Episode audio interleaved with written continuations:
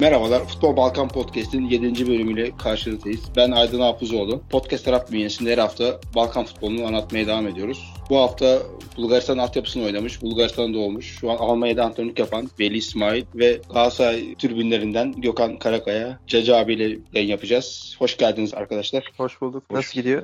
Ya iyi diyelim, iyi olsun. Biraz bizim Gökhan abiyle sesler iyiydi. Dün akşam maçtaydık. Biraz hem yorgunluk var ki az önce biten hala bende Formula 1'in bir etkisi de var. Adrenali hala bitmedi. Sinema gibi bir final oldu. İzlemişsindir belki. Ben izleyemedim. Ben maçtaydım. Maalesef 3-0 kaybettik. Rakibi domine etmemize rağmen şaka gibi 3-0 mağlup ayrıldık. Ben de birazcık adrenalin etkisindeyim ama umarım iyi bir podcast çekebiliriz bugün. Gökhan abi sen izleyebildin mi Formula 1'i? Ben izledim izledim. Zaten kimi sevdiysek öldü gibi bir durum oldu benim için. Hamilton son anda kaybedince. Abi çok acayip yani insan tarihinde görebileceği herhalde tektir böyle son şeyde. Hikaye lafını çok fazla kullanmam ama hakikaten 58 tur içerisinde çok fazla şey değişti. Startta Hamilton başladı. İşte o Şigan'da Hamilton'ın direkt tekrar yola girmeden Verstappen'in önüne geçmesi ilk sanal araç girdi. Orada fark kapanır gibi oldu. Sonra tekrar 12 saniye çıkarttı. 5 tur kala tekrar bir kaza. O kazada verilen karar ilk başta kimse kimseye geçmeyecekti. Hamilton şampiyon gibiydi. Sonra kararı değiştirdi. Sonra yan yana başladılar işte tekrardan. Hamilton geçirmedi. Bir anda geçti. Tam geçiyordu. Yani çok acayip. Gerçekten böyle yakalanması zor anlardı. Bize nasip oldu izlemek. Ben yine de Hamilton'ın birçok isim var. En başarılı, en iyi pilot olduğunu düşünüyorum. Schumacher'ler, Prost'lar, Senna'lar falan dahil yani. En iyi pilot olduğunu düşünüyorum hala. Ya o kesin abi zaten 7 yıldır şampiyonluk var. O kadar dominasyonu var. Bu sezonundan haricinde çok diğerlerinin yaklaştığı bir sezon da yok. Araba yarışlarında biraz arabanın etkisi vardı ama sadece arabayı da şey yapmak gerekmiyor. Çünkü diğer tarafta Bottas da var. Bottas 7. 8. olurken Hamilton hep 1. oluyor yani. Tamamen Hı. kalite farkı. Ben Veli'ye bir şey sorayım. Öyle geçeyim. Buyur abi. Yeni takım, yeni sezon nasıl gidiyor diye sorayım. Şöyle söyleyeyim yeni takımda Hamla 5 başladım sezona. U15 takımı. Yardımcı antrenör olarak başladım Almanya'nın en üst ikinci liginde. Sonra bizim baş antrenör sakatlandı. Kendisi de futbolcu çünkü. Çok ağır bir sakatlık geçirdiği için takımı 2 ay boyunca tek başıma ben yönettim. O süre zarfında birçok olay yaşandı. Birçok oyuncum da sakatlandı. Ki bunlar sadece darbeye yönelik sakatlıklardı. Gerçekten çok şanssızlık ve ben yönetimden destek istedim. Yönetim de bana bu desteği vermeyince ben de ayrıldım oradan. Çünkü gelecek görmedim. O zamanlar biz 12 takım arasından 7. veya 6. sıradaydık. O zaman ayrılmıştım. Şimdi bana bir teklif geldi U19 takımından. Daha düşük bir ligden. E, onları aldım. Hedefiniz nedir diye sordum. Onlar da bana bir üst lige çıkmak istiyoruz. Bir üst kademeye adımızı yazdırdık ve en iyi 8 takımla birlikte ayrı bir ligde oynayacağız ve oradan sadece birinci çıkan takım üst lige çıkacak. Şu anda koşu planlarını hazırladık. Kış ayı takvimini hazırladık. Artık programın başlamasını bekliyoruz. En iyi şekilde çalışıp bir üst lige çıkalım. Aynı şekilde U19 takımından zaten birkaç oyuncuyu da A takıma gönderdik. Mesela bugün benim takımdan iki oyuncu A takımda oynadı. Aynı zamanda A takımda da yardımcı antrenörlük yapıyorum. 4-5 oyuncu devamlı A takımda antrenmanlara çıkıyor. Çok iyi bir bağlantımız var şu anda. A takımla U19 arasında. Temel hedefimiz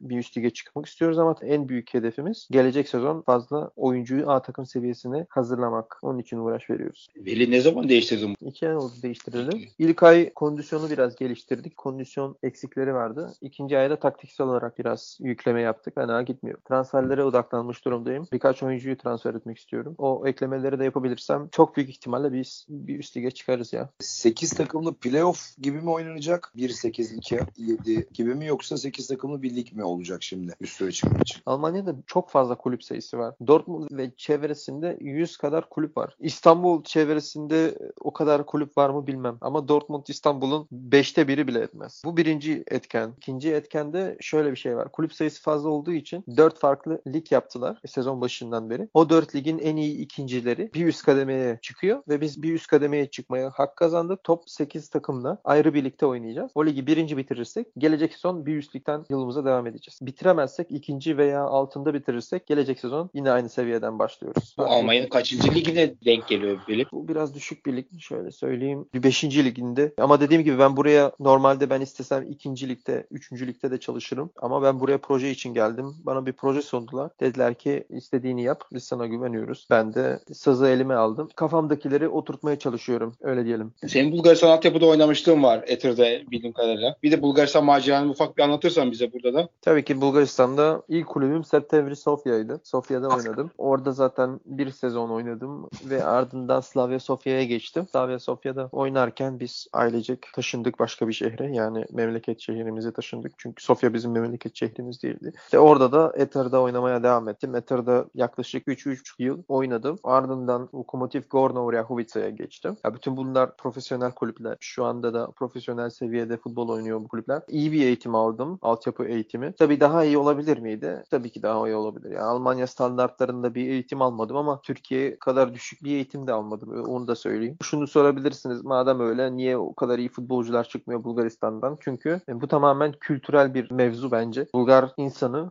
eğlenmeyi seviyor. Ya diskoya gitmeyi çok seviyor bizim Bulgar futbolcular. Haftanın 7 günü diskolar açık zaten. Almanya'da mesela cuma geceleriyle cumartesi geceleri e, diskolar açık. Gece kulüpleri. Bulgaristan'da 7 gün. Bulgar halkının sporcu kimliği olduğu için herkes fit, herkes yakışıklı, güzel. Kafalar başka yerlere de kayabiliyor. O yüzden çok fazla futbolcu çıkmıyor Bulgaristan'dan. Bulgaristan'da mesela en son bildiğimiz Berbatov vardır. En üst düzey diyebileceğimiz. Antrenör benim bildiğim yok ki benim belki cahilliğimdir. Ya, hoca niye çıkmıyor sence? Hoca var ya çok iyi antrenörler var Bulgaristan'da. Özellikle altyapıda çok iyi antrenörler var. Birincisi para yok. Para yok derken e, Almanya'da aldığımız parayla Bulgaristan'da antrenörün aldığı para kıyaslanamaz. Almanya'da eğer ki Borussia Dortmund, Bayern Münih seviyesinde ya da Freiburg, Hertha Berlin seviyesinde bir kulüp çalıştırmıyorsan parayı unutacaksın bir kere antrenör olarak. Bulgaristan'da daha iyi para var ama yine de e, yeterli değil. Sistem çok önünü kapatıyor Bulgar antrenörlerin. Çünkü yükseldikçe artık eski büyük Bulgar futbolcular işin içine giriyor. Sen diyelim ki çok büyük bir e, Aydın isimli e, yeteneksin antrenör olarak e, ama antrenörlük kursunu yaparken senin grupta Dimitar Berbatov var. Bariz bir şekilde Dimitar Berbatov'a daha iyi bir not verecekler. O yüzden biraz da sistem sıkıntılı Bulgaristan'da. Yoksa altyapılarda gerçekten iyi antrenörler var. Lokomotiv Plovdiv'de Tunçev var. Genç bir hoca. Arda'dan ayrılan Kirov şu an SSK 48'de. O da 45 yaşında. O da Bulgar Ligi'nin iki sezondur en iyi hocası. Avrupa'da bildiğimiz en iyisi Despodov dersin ki o da hem İtalya'da yapamadı hem Avusturya'da yapamadı. Tekrar geri döndü. En iyi topçu odur. Belki Nedelev dersin. O da Mainz'da gitti sakatlık yaşadı döndü. Şu an Bayern Münih U16 takımının hocası mesela Bulgar. Köln U12'de Bulgar bir antrenör çalışıyor. MSV Duisburg'da 3. Bundesliga'da Bulgar bir antrenör çalışıyor. Hatta şöyle söyleyeyim o antrenör 3. Bundesliga tarihinin en çok maça çıkan antrenörü. Bulgar antrenörler var ama bence bir gelecek 10 senede daha çok Bulgar antrenör göreceğiz. Yani Bulgaristan'ın genel yapısıyla da ilgili olabilir mi bu? Kaotik bir yapı da var. Genel futbol olarak değil yani.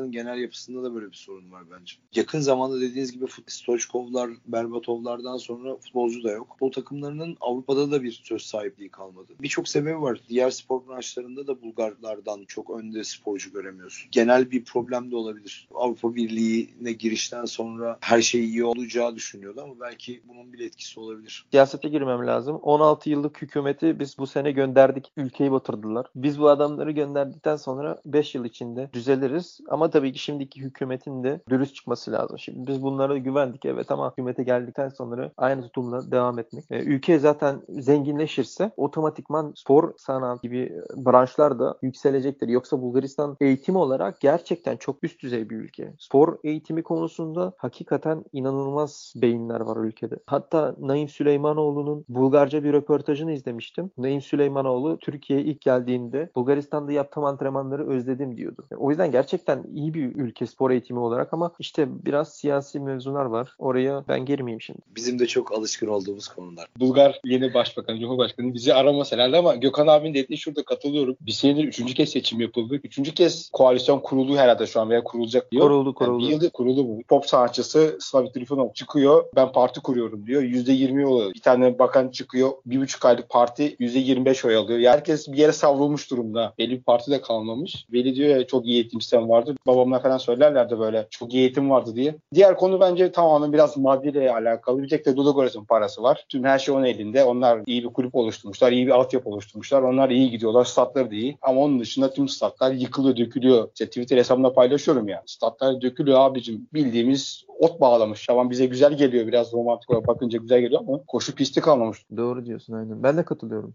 Veli senin kariyer planları neler? 3 yılda, 5 yılda bir Bundesliga 2, 3 veya işte 10 sene sonra bir en üst ligde görme gibi bir kendini falan kurdun mu? Kısa dönem için spor bilimi okumak var üniversitede. Muhtemelen gelecek sene başlarım. Orta dönem için paramı sadece futboldan kazanmak istiyorum. Uzun dönem içinde ise tabii ki profesyonel seviyede bir antrenör olmak. Şöyle söyleyeyim. Bundesliga veya Şampiyonlar Ligi falan diye düşünmüyorum. Ee, ilk önce profesyonel olayım. Ardından zaten gerisi gelir diye düşünüyorum. Çünkü 3,5 yıldır antrenörlük işini yapıyorum ve edindiğim tecrübeler, tanıştığım insanlar inanılmaz. Geçen hatta Twitter'da yazdım. Bazen böyle şeyler yaşıyorsunuz ki insanlara anlatamıyorum anlatamıyorsunuz çünkü kimse inanmaz. Ben iki ay önce Ham'da antrenörlük yaparken benim antrenmanıma Borussia Dortmund şef scout'u geldi izlemeye. Antrenmandan sonra konuştuk. Bana sordu neden bu antrenmanı falan yaptın diye. Ben de anlattım. Maçta defansa geçiş oyunumuz çok eksiyordu. Ben de onu şimdi bu hafta geliştirmek istiyorum. Çünkü defansa geçişler e, çok çok önemli benim takım için. Biz topu alıyoruz. Dominant bir şekilde oynamaya çalışıyoruz. Pas pas vesaire. Ama topu kaptırdığın anda defansa geçişi en hızlı şekilde yapman gerekiyor. En hızlı şekilde topu geri kazanma gerekiyor. Ben de ona yönelik bir antrenman e, tasarlamıştım. İşte ben bunu anlattığımda adam sonra maçlara gelmeye başladı. Bir maç izledi, iki maç izledi vesaire. Ardından beni evine davet etti. Gel konuşalım falan diye. Beni onun kendi futbol okulu var. Futbol okulunda antrenör olarak almak istedi ki kabul ettim. Çünkü futbol okuluyla futbol takımı çalıştırmak ayrı şeyler. Ben başka bir takıma gitmedim sonuçta. Ve şu an Borussia Dortmund Chef Scout'unun kendi futbol okulunda da bir antrenör olarak çalışıyorum ve adam mesela iki hafta önce bana bir iyi bir kulüpte antrenör arıyorlar. İstersen seni oraya gönder gönderebilirim dedi. Ama ben tabii kabul etmedim. Çünkü daha zamanım var. Mesela şöyle söyleyeyim. Türkiye, Bulgaristan gibi ülkelerde dayın varsa her yere girersin. Bunları biliyoruz. Almanya'da da dayın varsa girersin ama barınamazsın. Girmek mevzu değil. Mevzu barınmak. Çünkü senin yeteneğini görünce sen onları ikna edersen el üstünde tutarlar. Ama baktılar ki hiçbir şey yapamıyorsun. Ya isterse seni Uli Hoeneß önersin. Hiçbir şey olmaz. Evine gönderirler. Bu kadar. Ben yaptığın işle ilgili bir şey sorabilir miyim? Demin anlatırken. Şu anda evet. U19'un hocasısın. Kendi takımında ve A takımda da yardımcı hocası. Bilmiyorum eskisi kadar hani vakit bulup Türkiye futbolunu takip ediyor musun bilmiyorum ama hem altyapıda çalışıp hem de A takımda yardımcı hocalık yapan bildiğin herhangi bir kulüp var mı? Türkiye için soruyorum. Almanya'da var çünkü biliyorum. Güzel bir soru. İngiltere, Almanya maçlarını dahi izlemeye vaktim yok. Özetlerine çok bakıyorum. Bazen evet denk geliyorsa mutlaka izlerim. Mesela Borussia Dortmund'un son maçlarını izledim. Çok büyük ihtimalle yarın Fenerbahçe maçını da izleyeceğim. Ama çok yoğun bir gündemim var şu aralar. U19'da antrenmanı yapıyorum. Antrenman biter bitmez A takımın antrenmanı başlıyor. Oraya zıplıyorum. Kendi antrenmanı yaparken diyelim ki ikinci bölgeden üçüncü bölgeye geçişi çalışıyoruz. Ondan sonra A takımın antrenmanına gidiyorum. Taç atışı mesela çalışıyor. Bu iki programı aynı anda yürütmek. Oyuncuları mesela üçüncü adam üzerinden topu paslaşmak. Başka bir önemli kriter ne olabilir? Kanat değiştirmek. Ondan sonra A takımı antrenmanına kaçınca taç atışı çalışıyorsun. Orada önemli olan şeyler neler? Koşular. Birisi e, bölgeyi açacak da ötekisi o bölgenin içine koşacak da o koşarken topu şöyle atacaksın böyle atacaksın. Yani bir sürü şey var. O yüzden çok yoğun bir gündemi var ama tabii ben bundan şikayetçi değilim. Tam tersine ben bunu bir tecrübe olarak görüyorum. Kendimi geliştirebiliyorum yani bu şekilde. Bu kadar yoğun bir takvimde çalışırken çalışmak mental kondisyonumu da geliştiriyor. Türkiye'de bildiğim U19'da çalışıp da A takımda çalışan var mı sorusuna yok yani bilmiyorum böyle birini. Hiç de duymadım. Olacağını da zannetmiyorum. Zaten yani işin ligler boyutunun dışında ne kadar kötü yönetildiği 6 yaş gruplarındaki takımların ne kadar kötü yönetildiği Ümit Milli takımından belli yani. U21 takımından belli. Birbirinden 5 bilmezin bir arada olduğu bir takım. Tolunay Kafkas'la beraber baya kötü gidiyor yani. ya bir şey diyeceğim. Ben bu Tolunay Kafkas, Ümit Ozat, Bülent Uygun, Aykut Kocaman bunlar Almanya'da B plus lisansına girse bunlar geçemez. Ciddi söylüyorum bakın. Şaka falan yapmıyorum. Yani Türkiye'de U21 falan emanet edilen adamlar burada Almanya'da B plus lisansını geçemez. Ciddi söylüyorum. Yani teknik taktik bilgisi olarak bir şey söyle söylemeyeyim hadi ukalalık yapmayayım ama pedagojik testleri varsa kesinlikle geçemeyeceklerinden eminim yani. Teknik taktikte de çok emin değilim. Yani hayatı boyunca 4-2-3-1 oynamış bir insan. Diyelim ki bizim milli takımda Udinese U19'da oynayan bir çocuk var. E sen o çocuğu U21'e çağırıyorsun. O çocuk hayatı boyunca mesela üçlü savunma oynamış. Sana geliyor dörtlü savunmada oynatacaksın. O çocuk da sana geliyor soruyor. Benim ne yapmam lazım? Yani nasıl anlatacaksın şimdi? Üçlü savunmayla dörtlü savunmadaki farkı nasıl anlatacaksın şimdi sen bu çocuk? Üçlü savunmayı hayatı boyunca oynamadın ki. Bakın ben U19 U19'u aldığımdan beri geçen saydım 5 farklı dizilişle oynamışım. Topa karşı 4-4-2 ile oynadım. Topa karşı 4-2-3-1 ile oynadım. Topa karşı 5-2-3 ile oynadım. Topla birlikte 4-3-3 oynadım. Topla birlikte 4-1-5 oynadım. Birçok farklı dizilişle oynadım U19 takımımda. Dizilişler benim için şunu ifade ediyor. Rakip oynadığımız saha bütün bu verileri toplayarak en iyi şekilde nasıl yerleşebiliriz sahaya? Tabii kendi oyuncu grubumu da ekleyerek en iyi şekilde nasıl yerleşebiliriz ve oyuncularıma en rahat pozisyonu nasıl bulabilirim? Benim için dizilişler bundan ibaret. Eğer ki benim sol kanat oyuncum varsa ben üçlü savunma oynamam. Diyelim ki benim 3 tane çok iyi stoperim varsa 4 savunmayla çıkmaya gerek yok. E, tabii ki rakibin de taktiği önemli. Mesela üçlü savunmayla çıktım. Baktım ki rakip tek forvetle oynuyor. 3'e 1 oynamaya gerek yok. 2'ye 1 de gayet yeterli. O zaman birisini ileri atıyorum. Ona göre oynuyoruz. O yüzden mevzuya geri geleceksek üçlü savunmayla dörtlü savunma arasındaki farkı bilmeyen birisi çocukları nasıl ikna edecek? Onlara bu farkları nasıl anlatacak ki onları geliştirsin? Ya aklım almıyor. Ben bence bu adamlar Almanya'da B plus lisansını geçemez. Türkiye halkınlara sayarsak 12 tane ülke var. Yaklaşık 40-50 civar takım işte Şampiyonlar Ligi, Avrupa Ligi, Konferans Ligi tur atladı. Sadece 7 tane Balkan takımı tur atladı yani bu kadar takım varken makas bu kadar Terim hocam diyor ya makas açıldı diye. Bu kadar makas açıldı mı veya makasın açılmasının sebebi hocalar mı, eğitim mi? Birçok sebep var. Türkiye ile Balkanları paralel düşünmek istemem normalde. Çünkü Türkiye Balkanlara nazaran ekonomisi biraz daha güçlü ama yapılanmadır, eğitimdir daha geride. İki tarafta çok hızlı tüketiyor ve yeni bir şey üretemez hale geldiler. Balkanlar kendi içinde işte Kızılyıldız'ın geçen seneki performansı kendi içinde muhteşem. Dinamo Zagreb'in bir çıkışı var. E, Osijek'e baktığın zaman Bielitsa'nın yaptıkları falan hani böyle çok lokal olarak güzel işler var kendi içinde. Türkiye'de bunu görmesek de bu çok yeterli değil. Çünkü iyi olanı hemen elinden alıyorlar zaten seni. Sen iyiyle uzun süre idman yapamıyorsun ya da uzun süre müsabakalara çıkamıyorsun. Çünkü değerini bulmadan satmak zorundasın ki hayatını devam ettirebilirsin. Bu Yunanistan için de böyle. Yunanistan'da da çok ciddi bir gerileme var. Zaten çok uzun süredir yoklar onlar. Hani Yunanistan'da Balkanlara katalım ama çok fazla sebebi var ya. Bir tane sebebi sayamam bence. Ama makasın açılması bir Arap, Çin ve Amerika parasının işin içerisine girmesi diğer tarafta birçok şeyi değiştiriyor. Kayırmalardan tut da en iyilerini almaya kadar. Çünkü onları izlemek istiyor. Onları sunuyorlar. Bunlar da var. Ya çok fazla sebep var. Yani çok yakın bir zamanda da bu değişmez herhalde. Bahsi geçen bu Avrupa Süper Ligi geçen sene İngiliz taraftarlarının falan koyduğu tepki çok iyiydi. Eninde sonunda kurulacak gibi geliyor bana. Buyur Veli. Makas niye açıldı? Balkan halklarının şöyle bir kusuru var. Biz bu yöntemle başarılı olduk diye diye devam ettiler böyle. Eski okul hocalarla e, devam etti. Avrupa'da adamlar bilgisayarı işin içine soktu. Önce video analizi soktu. Sonra bilgisayarı soktu. Sonra şu an mesela datayı soktular. Avrupalılar bunu sokarken bizim Balkanlar sürekli şunu dedi. İşte bizler bu yöntemle başarılı olduk. Bu yöntemi deneyeceğiz. Dinamo Zagreb'i ayırıyorum bu arada. Hajduk Split'le ayırıyorum. E çünkü gözümle gördüm onların altyapı sistemini, konseptini okudum. Hakikaten okuduğum en iyi altyapı konsepti olabilir. Genel olarak böyle bir düşünce yapısı var. Türkiye'de ise durum tamamen farklı. Türkiye'nin yakaladığı bütün başarılar parayla. Neyi kastediyorum? En son Şampiyonlar Ligi'nde çeyrek finale çıkan takımlarımıza bakın. Galatasaray, Fenerbahçe, Beşiktaş. 3 takım da 100 milyonun üzerinde kadrolara sahip. Şu ana kadar 60 milyon euroluk bir Türk takımını görmedim. Yani futbol aklıyla üst kademelere ulaşan bir Türk takımı görmedim. Sürekli parayı basarak başarıyı yakalıyor Türk takımları. Galatasaray'ın harcadığı para 30 milyona yakın ama onu söyleyebilirim. Kadro değeri o kadar değil artık ki zaten o kadar olmadığı için de kendi aramızda oynuyoruz. Böyle bir durum da var yani. Çok yetenekli, çok kaliteli oyuncular olmadığı için memlekette artık biraz daha işte gözler Konya Spor'a, Karagümrük'e kaymaya başladı.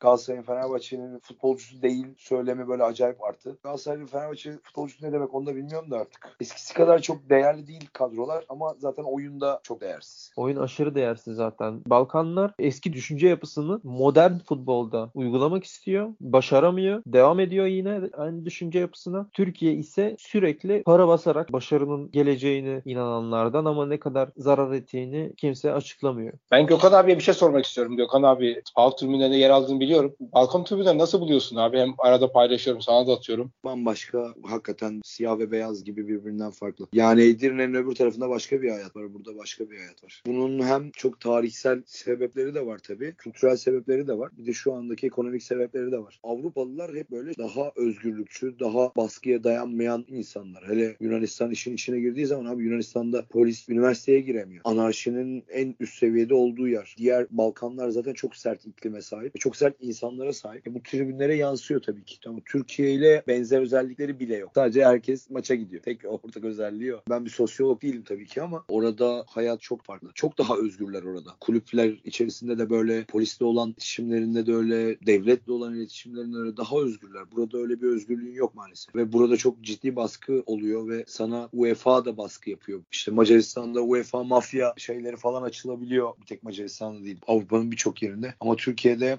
senin her pankartını tek tek inceliyorlar. Bunun üzerinde ne yazıyor diye. Orada çok ciddi fark var yani. Yakında yine bir var mı abi düşüncen? Atina'ya gitmek, Selanik'e gitmek Olur. gibi. Var var. Yani şu Ocak bir geçsin de tekrar vizemi alayım. Birçok kez PAOK maçına gittim. Olympiakos basket maçına gittim. Hırvatistan'a gittim. Oralara gidince insan kendini biraz daha farklı hissediyor. Daha rahat hissediyor yani. Almanya'da maçlara gidiyor musun abi? Gitmişliğim var ama her gittiğimde gidemiyorum. Ama son gittiğimle ilgili bir örnek vereyim. Hannover tribünleri bu aşı hikayesinden dolayı normalde pankartları oluyor bu adamların ya da beraber topluca gidiyorlar. Yine bir kısmı maça gitmeye devam ediyor ama aşıdan dolayı iki aşın yoksa Veli daha iyi biliyordur. İki aşın yoksa zaten giremiyorsun hiçbir yere. Restoranlarda dahil. Orada Luka diye bir bizdeki HES koduna benzer bir şey var. Biraz daha push ediyorlar seni ikinci aşı için. Hatta üçüncü aşı başladı. Ben de üçüncü aşı oldum. Orada da öyle. Ama aşı kaçtı bir sürü insan var. Ve tribüncülerden de var. Bunlar da gitmedikleri için onlar mesela pankart falan asmıyorlar. Yani bir birlik olana kadar biz bunu göstermeyeceğiz diyorlar. Gidip geliyorlar. Güzel maçlar oluyor. Avrupa'da her yerde çok ciddi bir agresyon var şu anda. Hollanda, Belçika, Portekiz ciddi bir agresyon var. Almanya hani kısmen daha iyi durumda onlara göre. Daha iyi derken daha sakin. Beklediğimden daha acayipler. Agresyon dedin de bunun sebebi bence korona döneminde insanlar evinde kaldı. Dışarı çıkınca tabii sapıttı herkes. Birikmiş bir enerji onu dışarı aktarma zorunluluğu hissetti millet. Böyle saçma sapan şeyler görebiliyoruz. Ben Süper Kupa maçına gittim en son. Borussia Dortmund Bayern Münih maçına. Akanci'nin hatası sayesinde tabii ki yine kaybettik o maçı da.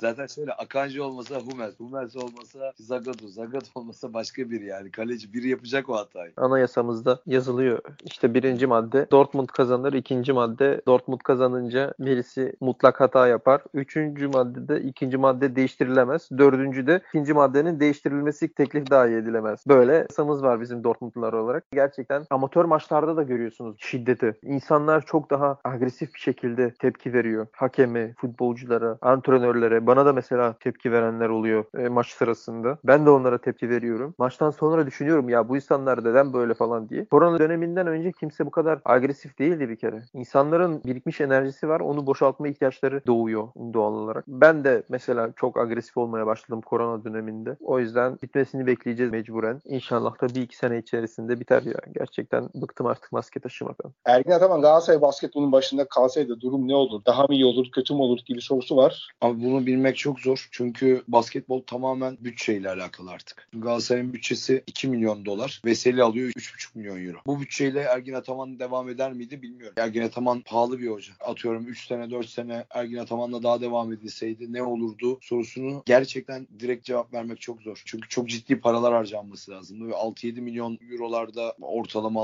6-7-10 milyon euroluk paralar harcanacak. Düşün 4 sene 40 milyon euro. Galatasaray'ın zaten borcu 2,5 milyar lira 3 milyar lira. Ciddi borcu var. Bir gelir elde edemiyorsun. Amatör branşlarında başarı için iyi oyuncu şart. Gerçekten iyi oyuncu şart. İyi oyuncu için de para şart. Egonu'ya Fenerbahçe'nin teklif ettiği yıllık 2 milyon eurodan 6 milyon euro 3 yıllık sözleşme teklif ediyor. 6 milyon euro voleybol için belki de daha önce teklif edilmiş midir bilmiyorum. Bunlar ciddi paralar. Galatasaray'ın erkek kadın voleybol takımının bütçesi 2 milyon euro değil. Öyle söyleyeyim yani. O yüzden Ergin Ataman'la devam edilse ne olurdu sorusunun cevabı çok kolay değil. Artı Ergin Ataman'ı idare etmek de çok zor. Bir örnek vereyim. Daha gitmeye gerek yok. 18-19 şampiyonu Galatasaray Fatih Terim'le şampiyon oldu. Fatih Terim'le devam etti. Yani bu bir örnek olabilir yani. Sonuç muhakkak iyi olacak gibi bir şey söyleyemem. Linus Michels mi, Arrigo Sacchi mi? Hangisini tercih edersin abi? Sacchi. Ben direkt Sacchi. Yani Hollanda'da çok acayip oyuncular vardı. Gerçi daha sonra Sacchi de o Hollanda'daki oyuncuları aldı ama çok acayip oyuncular vardı ama Sacchi'nin oyunu çok başka bir oyundu. Ya benim 8-9 yaşına denk geliyor. İkisinin de aynı zamana denk geliyor. 88 Hollanda Avrupa şampiyonu, 89 Milan o acayip bir Milan. Aynı zamanı denk geliyor ama Saki ya kesinlikle. Şimdi Twitter'da konuşulan bir gündem var. Geçiş oyunu ile kontra atak arasındaki fark nedir? İster önce Gökhan abi cevaplasın sonra Veli de. Veli varken benim cevaplamam doğru olmaz. Adam bu işi yapıyor yani. Twitter'da okuduğumda bazen şaşırdığım, bazen inanmadığım, nasıl olur da bu kadar takipçili insanlar bu işi doğru dürüst araştırmadan yazabiliyor. Geçiş oyunuyla kontra atak arasındaki benzerlik veya fark şöyle söyleyeyim bakın. Futbol 5 evreden oluşur. Topa sahip olma evresi, topa karşı oynadığında veya top rakipteyken de diyebiliriz. Üçüncü evre topa sahipken kaybedilen top yani defansa geçiş evresi. Dördüncü evre topa karşıyken, top rakipteyken kazandığın top, geçiş hücumu ve beşincisi de duran top. Şöyle farz edelim. Top rakipte ve rakip topu kaybediyor veya siz kazanıyorsunuz. Ondan sonra geçiş hücumu oluyor. Geçiş hücumu iki farklı şeye ayrılır. Siz topu kazandıktan sonra iki farklı yol izleyebilirsiniz. Ya kontra atak yapabilirsiniz ya da topu sahiplenebilirsiniz. Yani bunun tam Türkçesini bilmiyorum. Almancadan Türkçe'ye çevirerek topu sahiplendirme veya topu garanti etme. Çünkü rakip takımın o zaman da gegenpressing'i başlayabilir. Gegenpressing de her yerde yapılmaz bu arada. Ama hadi diyelim rakip takım gegenpressing'e başladı. Siz gegenpressing'i kırmak için topu garanti etmeniz lazım ilk önce. Garanti etmek şu demek. En garanti pasları oynayacaksınız ki topu kaptırmayasınız ilk 6 saniyede vesaire. O yüzden geçiş hücumunun iki farklı çeşidi var. Topu sahiplendirme çeşidi veya kontra atak çeşidi. Mesela Roberto De Zerbi gibi hocalar topu kazandıktan sonra genellikle topu sahiplendirmeyi dener. Ralf Ragnick gibi hocalar da topu kazandıktan sonra kontra atak yapmayı tercih eder. Geçiş hücumu ile kontra atak arasındaki fark şu ki geçiş hücumu genel bir ifade, kontra atak ise detaylı bir ifade. Kontra atak geçiş hücumunun içinde var ama geçiş hücumunun da başka bir çeşidi de var.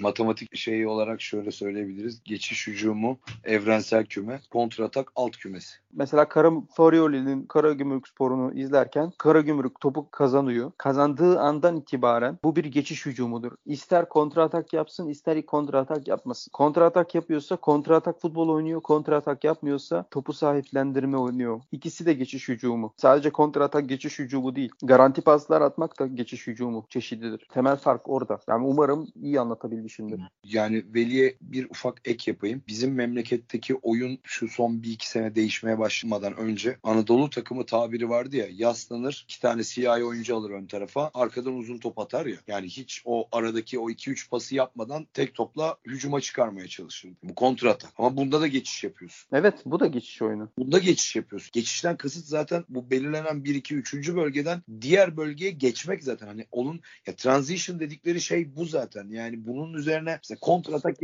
geçiş hücumudur. Evet geçiş hücumudur. Ama nasıl geçtiğin önemli. Birisi alırsın tek topla geçersin ya da 3 topla geçersin. Liverpool'un geçen 2 hafta önce kesin gösterdiği müthiş geçiş hücumu. O da bir kontra atak. Ama geçiş hücumu. Tek topla gitmediler. Topu çizgiye indi. Birisi ortadan aldı. Çizgiye indirdi. içeriye attılar. 3 topla gol attılar. Bu da geçiş hücumu ve kontra atak. Ama bunu tek topla da yapabilirsin. Orta saha çizgisinde bekleyen bir tane adamın vardır. Stoperin arkasından çok hızlı çıkış yapar. Tek topla geçersin yani. Bu da geçiş hücumu. Bunlarla mesela vakit harcamanın sebebi ne biliyor musunuz? Türkiye'de konuşulmasının sebebi. Ben bu işi çok iyi biliyorum anlatmak. Hocalar bunlarla uğraşmıyor zaten. Yurt dışında şunlarla uğraşıyorlar. 4-4-2'nin zaafları ne? 4-3-3'e nasıl geçirirsin? 4-4-2 ile 4-3'ü nasıl karşılarsın?